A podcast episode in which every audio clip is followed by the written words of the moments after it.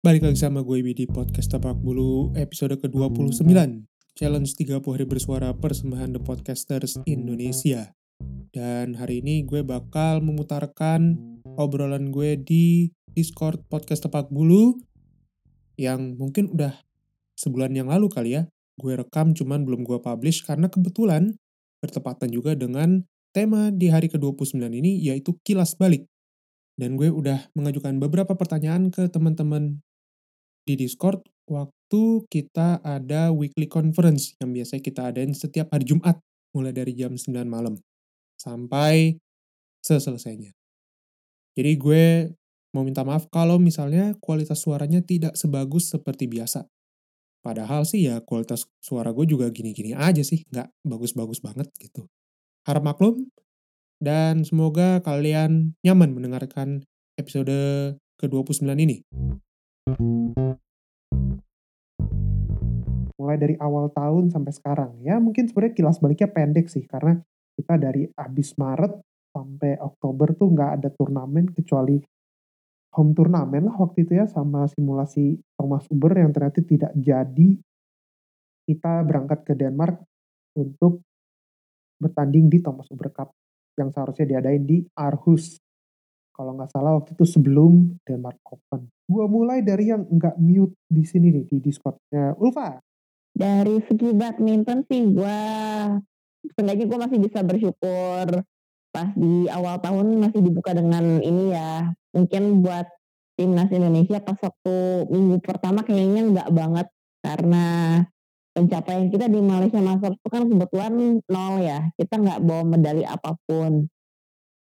Karena karena waktu itu aku, aku gue lupa sih. Oh karena itu karena di quarter final kan biasa Minus versus Fajri. Terus uh, Fajrinya kayaknya uh, pas waktu waktu ngelawan uh, Liongde itu nggak uh, kurang kurang maksimal. Jadi makanya mereka harus terhenti di semifinal.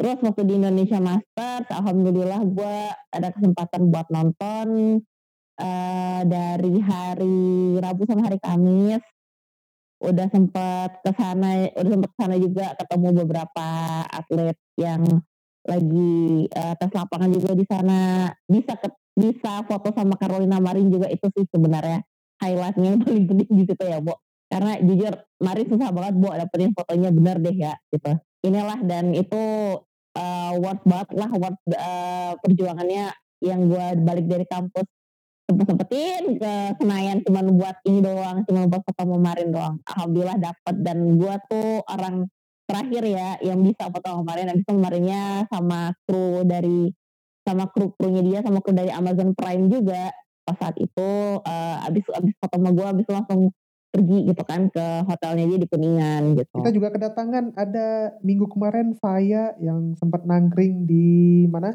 di radio Halo Faya. Halo Kak, Alhamdulillah baik. Pandemi menurutmu 2020 bagaimana gitu? Ada pelajaran yang bisa dipetik atau apa? Ya, apa ya kayak pelajaran yang dipetik tuh sebenarnya banyak sih, tapi ya kayak menurutku 2020 tuh kayak cepet aja, padahal kayak baru berasa kemarin gitu loh. Algir. Halo. Duh, apa ya? All England kayaknya banyak kenangan sih 2020 All England kayak pertama kalinya gitu si Minion kalah kalah tapi sampai ke bawahnya tuh sampai berapa minggu gitu nggak bisa move on tuh gara-gara itu. Sampai suka mikirin. Kalau sekarang juga dipikirin suka masih kerasa sih nyesek. Ya tapi ya udahlah. Ya. sampai nangis sih waktu itu nonton juga tengah malam. Bodo amat. Nah. tengah malam nangis lagi ya Allah. Iya ya Allah hari Senin. Senin lagi kan besoknya tuh ke sekolah. Iya, besoknya Senin. Udah mood hancur semua. nah, kan itu kan masih bulan Maret. Kan kita masih ngomongin All England nih tadi kan. Um, apa Gita yang bersedih karena Minion kalah. Bahkan tahun kemarinnya lebih parah sebenarnya sih ya kalah di ronde pertama. Tapi yang ini malah lebih nyesek juga kak. Oh, iya, iya, bener, Udah sembilan belas delapan belas, set tiga ketikung, aduh sakit coba gue beralih dulu ke yang lain kayak misalnya kayak Citra, Hanan sama Idam sama Nino juga. Pertandingan favorit kalian di All England tuh pertandingan pas kapan? Gue nih mulai dari gue ya. Kalau gue tuh pas semifinal ganda campuran. Waktu itu eh siapa? Bas sama Popor ketemu sama si eh Seo Sungjae sama Chae Yujung ya. Maksudnya gue iya, apa itu ya? pasangan Korea pokoknya waktu itu. Itu paling seru. Iya betul. Itu paling seru sih. Kalau gue mulai dari Idam deh, Dam. Pertanyaan paling seru apa, Dam? Ya itu, ya itu. Oh, sama sama, persis Itu. persis persis. Sumpah, gue itu nggak, ya namanya gue nggak lihat Twitter, nggak lihat apa, gue nonton aja gue. Itu tuh gue nonton pas pas gue lagi mau terbang tuh ke Indonesia. tuh gue gue streaming di situ. Ada lagi nggak yang setuju sama pertandingan semifinal ganda campuran All England paling seru? Selain itu, Axel lawan Lizzie J itu ramai banget sumpah. Maksudnya apa ya? Jadi kayak kebetulan kan gue emang benar-benar jagoin Victor banget kan dari dari awal gitu. Victor sama Ginting sih sebenarnya gue berharapnya ya ketemunya. Terus tapi Ginting ya begitu, haha. Eh, gue lupa mereka beda buat aku lupa. Pokoknya gitulah eh, pas dan Victor tuh emang eh, smooth sailing ya bisa dibilang dari babak pertama sampai babak eh, quarter final. Ini koreksi aja kalau salah gue lupa lupa ingat soalnya karena eh seingat gue Victor itu cuman main rubber set itu ya pas di situ pas di semifinal. Oh, iya benar. pas lawan Divija lawan Cho Tien-Shen gitu. Itu itu pas inilah benar-benar epic banget sih gitu. Kalau kata gue Manino gitu kalau nggak salah rezeki raket baru. Karena kan emang benar-benar baru ganti raket buat ya di All England kan. Iya, iya, iya. ganti dari ganti dari Duora di Strike Force terus sekarang jadi dia pakai Astrox 100 ZZ itu kan. Iya, sama iya. oh iya ntar ngomongin Astrox gue baru inget si Endo tuh juga pakai itu pas di All England. Jadi jadi kan ada dua tuh dua atlet Yonex yang pakai yang pakai Astrox 100 yang baru itu dua-duanya menang lagi kan. Jadi kayak Marketing. apa ya kayak kayak iya marketingnya tuh sumpah asli itu sumpah gokil banget sih. Itu yang pertama yang kedua tuh quarter finalnya ganda campuran yang itu tuh yang Marcus Ellis Lawrence Smith tuh, tuh. Gokil. Ah, iya, iya, pantas. iya, iya. karena itu itu nikungnya itu nikungnya parah sih. Jadi dari biasa nikung eh, set tu eh, set kedua pokoknya udah match point duluan kan. Ya. Hongkongnya Tang Chun Man yang set itu udah 17-20 atau 18-20 itu gue lupa. Itu satu servis pokoknya eh, Lawrence sekali servis itu bisa jadi 20-22 jadi mereka ambil set kedua gitu kan tapi sayangnya sih set ketiganya ya gitu jadi maksudnya kayak nggak tahu kenapa Hongkongnya kayak bener-bener Biar. ambiar buat sumpah ambiar buat sumpah itu buat dan itu kan yang jadi bikin eh, sejarah juga kan akhirnya tuan rumah ada in, ada wakil di final setelah sekian Setelah Lama. tahun. gitu kan oh setelah empat tahun oh iya terakhir kan Xbox ya Ya, terakhir di Nah, Xbox 2016 mereka ngalahin, ada yang bisa nebak lo ngalahin siapa? Butet Iya, betul sekali. Iya, benar. Di quarter final. Dia ngalahin Owi Butet di quarter final di eh semifinal. bukan 2016 2017 enggak sih 2016 tuh soalnya Debbie Uco Debbie lawannya itu lawannya Denmark Iya, tapi kan yang Joachim Pearson yang masuk semifinal kan? aha Iya kan, yang masuk semifinal kan Inggris terakhir di situ 2016. Iya. oh oh iya bener bener bener bener bener bener. oh maksudnya Butetnya kalah di quarter final ya oh iya my god quarter final. No, pertandingan paling seru buat lu no di All England. quarter finalnya XT sih. Ya betul sama sih kayak kayak si Ulfa. Gue bener eh gue dari awal itu udah gue bela-belain nonton buat pertandingan Marcus Loren abis Hmm. itu gue bener-bener bikin senam jantung banget itu match. Iya, iya, iya, iya. Nah, Citra nih, Cit. Nah, kan pasti dia beda sendiri. Hai, nih. Kan pasti beda sendiri. halo guys. Cit. Kenapa? Apa gue gak ngikutin dari awal? Ya, tapi pertandingan favorit lu deh di All England di All England. Paling Kita semua udah tahu jawabannya, cuman lu aja yang ngomong. apa-apaan emang? Nebaknya apaan? Eh, women's doubles final. Oh, gak Ya. seru finalnya. kan finalnya all all Japan. Kalau menurut gue sih yang seru itu ini eh ininya eh R2 R2 Hah? round 2. Round kedua.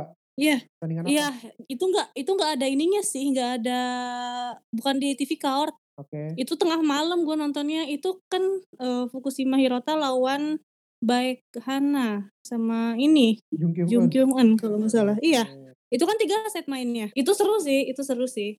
Sama ini, sama semifinalnya XD. Yang mana? Semifinal XT yang mana? Ada dua. So, So Seung Jae Oh bener. Berarti sama Choi Ujung lawan ini Baspor. ya bener-bener. Sebenarnya sih yang satu lagi lumayan seru. Marcus Lauren lawan Ucok Ucok Dedi. Terus iya, Oh iya, itu juga sih. Meli. Iya, itu Itu rame sih. Itu rame.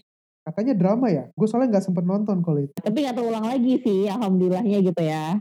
sama itu aku sama ini pas Pramel lawan itu quarter final. Cuman kalau ngomongin Pramel, mereka tuh yang bener-bener ini 2019 ya, awal-awal kayak mulai on fire banget gitu yang pas Denmark Open menang, minggu depannya di French Open menang gitu.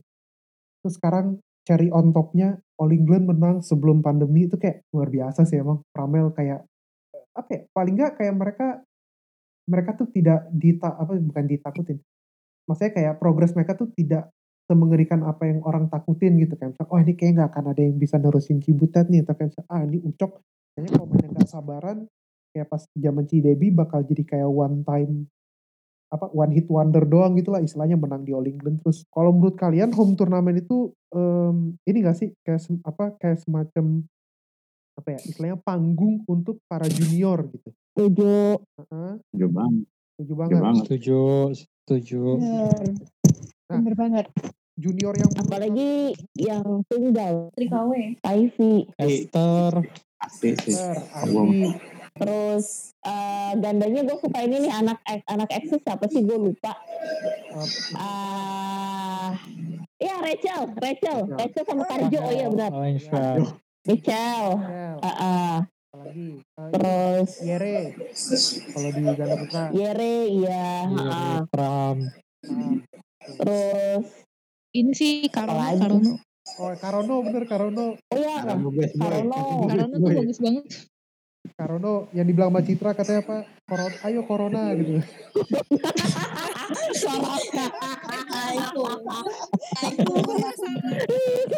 Tapi rame, kan malu aja sih anjir. Salah juga ketik nama timnya, astaga. itu itu rame banget sih. Itu rame, Double, tambah angka buat itu rame banget asli. Tapi kayak jadi pelipur lara banget sih. Waktu apa selama pandemi terus kayak kita waktu itu kan kalau nggak salah masih belum keluar keluar ya terus habis itu kayak dikasih Iya. ya dikasih turnamen kayak gitu langsung berak wah gue enak betul gitu kan waktu itu kalau nggak salah kan abis ganda putra itu hari minggunya ada ini Super Smash yang di Korea inget gak? Iya. Kan? ya ah, Nah, Iya, yang Yonek itu ya? iya bener Yonex Super Iya next. ah. yang apa yang komentatornya tuh kayak yang Smash gitu kayak gitu atau apa. oh ternyata badminton sebetulnya bisa jalan cuman mungkin BWF belum berani pada saat itu gitu ya buat ngambil keputusan bisa nih jangan nggak nih boleh nggak nih gitu kan. Yang berujung kepada BWF tuh banyak dikritik gitu. Ini bener-bener kayak tema beberapa episode terakhir suka ngomongin BWF loh waktu itu. Asal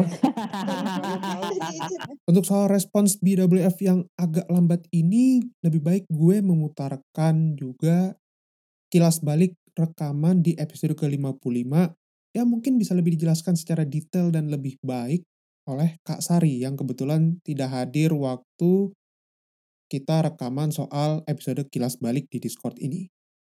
Eh, sebetulnya apa sih yang membuat BWF sampai sekarang masih belum berani em, menggelar turnamen di saat olahraga-olahraga lain itu justru sudah mulai bahkan sudah mulai kom- apa musim kompetisi baru seperti bola atau ataupun bahkan tenis yang mereka sudah mulai mem- apa eh, member- memberlakukan lagi tur tur eh, mereka seperti biasa begitu. tadinya gue merasa bahwa oh BWF, eh, BWF main aman gitu ya like any other organizations yang menaungi olahraga yang mana di mana pun eh, main aman gitu nggak apa-apa deh gitu ya namanya juga untuk keselamatan bersama tapi ketika eh, satu demi satu federasi menyatakan kesiapannya terutama yang di Eropa gitu ya untuk membuat turnamen individual itu baru gue merasa bahwa loh kok eh, BWF tidak merespon apa-apa ya gitu. Kalau misalnya Thomas Uber Cup diundur atau dibatalkan, gue masih ngerti karena ini turnamen besar nggak akan mendatangkan banyak orang kan. Tapi kalau untuk turnamen individual kan BWF harusnya bisa memberikan batasan, bisa bisa punya bisa ngatur gitu.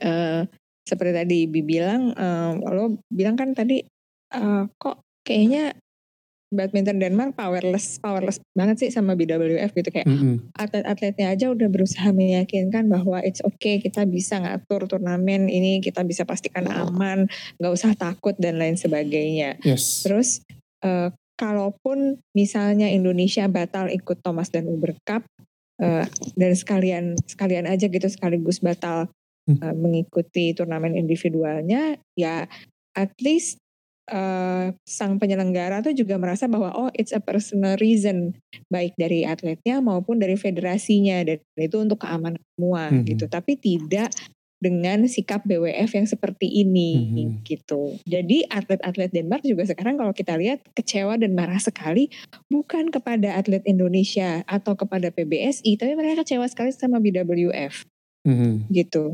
Kok lo nggak berbuat apa-apa sih untuk meyakinkan eh, federasi-federasi di Asia terutama bahwa ini aman. Ini mungkin menjadi episode terpanjang yang dipublish di 30 hari bersuara persembahan Podcasters Indonesia ini. Tapi ini menunjukkan bahwa ternyata meskipun kita tidak terlalu banyak menonton badminton atau bahkan mungkin badminton sedikit sekali di 2020 ini, tapi paling tidak kita tetap bisa mengembangkan beberapa topik yang sekiranya buat kita termasuk relevan atau paling nggak seru untuk diperbincangkan begitu. Gue berharap mungkin di tahun depan di 2021 badminton Gue berharap mungkin tahun depan di 2021 badminton sudah bisa kembali pelan-pelan menuju ke normalnya lagi. Meskipun ya tidak ada jaminan juga kapan itu akan berlangsung. Tapi ya gue berharap mudah-mudahan yang penting atlet, ofisial, pelatih, dan segala macam tetap terlindungi dan sehat selalu di masa pandemi sekarang ini. Dan kilas balik ini juga mungkin, apa ya kalau boleh dibilang, menjadi penutup season 3 podcast Tepak Bulu di tahun 2020 ini. Sebelum nanti gue mungkin akan istirahat dulu selama 2-3 bulan ke depan. Karena kebetulan gue pengen konsentrasi di tesis gue saat ini. begitu. Doain aja semoga lancar. Yang jelas gue mungkin bakal nongol di beberapa podcaster lain. Entah gimana caranya. Tungguin aja, udah. Yang penting. Kalau masih pengen nungguin sih. Tapi ya, who knows. Mungkin kalian pengen semacam format baru atau apa. Ya, tinggal kirim aja kritik dan saran ke Twitter at tepakbulu atau email ke podcast.tepakbulu at gmail.com. Thank you sudah mendengarkan podcast Tepak Bulu episode hari ini. Kita ketemu lagi besok. Gue cabut. Peace.